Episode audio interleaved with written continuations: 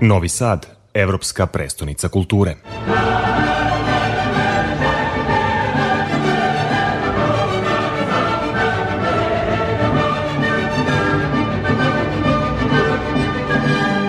Šta će beležiti naredno peto izdanje već nagrađivanog celogodišnjeg projekta kulture zajedništva Kaleidoskopa kulture u Novom Sadu?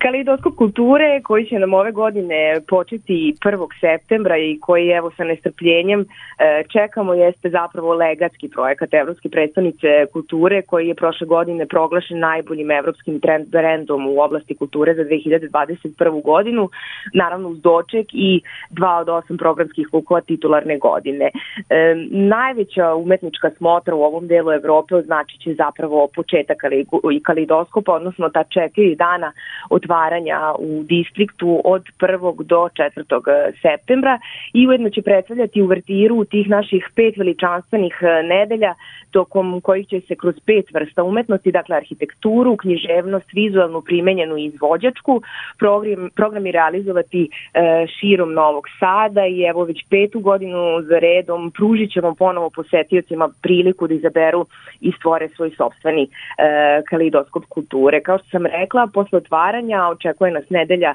arhitekture koja će trajati do 9. septembra, zatim nam sledi nedelja izvođačke umetnosti od 10. do 16. E, septembra. E, treću nedelju obeližeće književnost od 17. do 20. 23.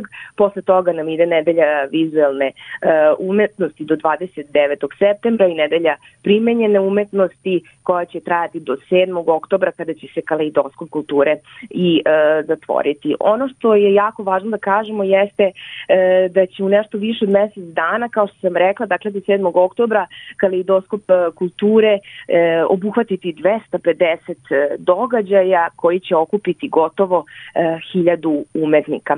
E sada, kada je reč o otvaranju, u ta četiri dana e, publika će moći da poseti čak osam izložbi e, umetnika iz Srbije, regiona i sveta, pa ćemo tako imati priliku da uđemo u mračnu sobu e, Vladimira Lalića, koja će predstavljati audiovizualnu interaktivnu instalaciju, e, izložba francuskih savremenih slikara koja će takođe biti postavljena u distriktu od početka septembra imaćemo priliku da vidimo interaktivnu instalaciju Autokorekt e, umetničkog kolektiva Karkatak koja je zapravo prošla e, instalacija koja je na fabrici već postavljena ali sada će oni to nadograditi i zapravo će predstavljati svojevrsnu instalaciju u ovom e, delu Evrope. E, Bijenale scenskog dizajna odvijaće se od 1. do 9. E, septembra na više kulturno-umetničkih i obrazovnih lokacija, to je studentski kampus, fakultet tehničkih nauka, zgrada rektorata i naravno distrikt. Imaćemo priliku da uživamo i u svetskom bijenalu studentske fotografije Best of, naravno u mnogobrojnim predstavama kao i u filmovima filmskog festivala obnova. Kada je reč o muzičkom e, programu, uživaćemo u nastupu američkog DJ-a, pevača, kompozitora i producenta Andy-a Butlera Hercules and Love Affair. Oni će nastupiti 2. septembra.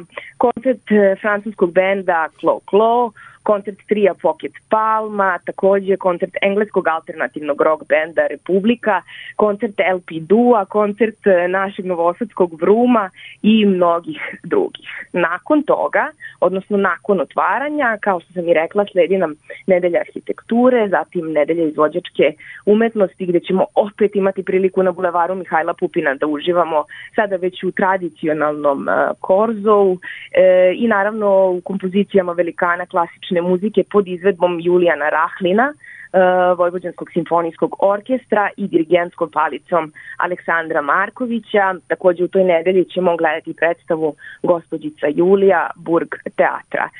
U nedelji književnosti takođe mnogobrojni program i naš najvažniji onako program u, u toj nedelji koji će se desiti u Podgrađu.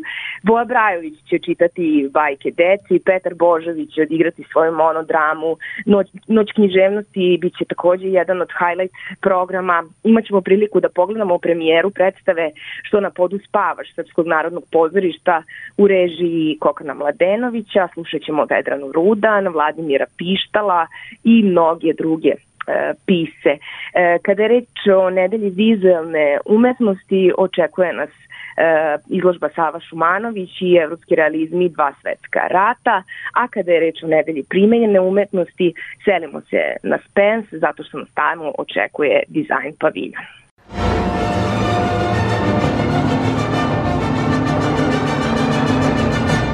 Novi Sad Evropska prestonica kulture.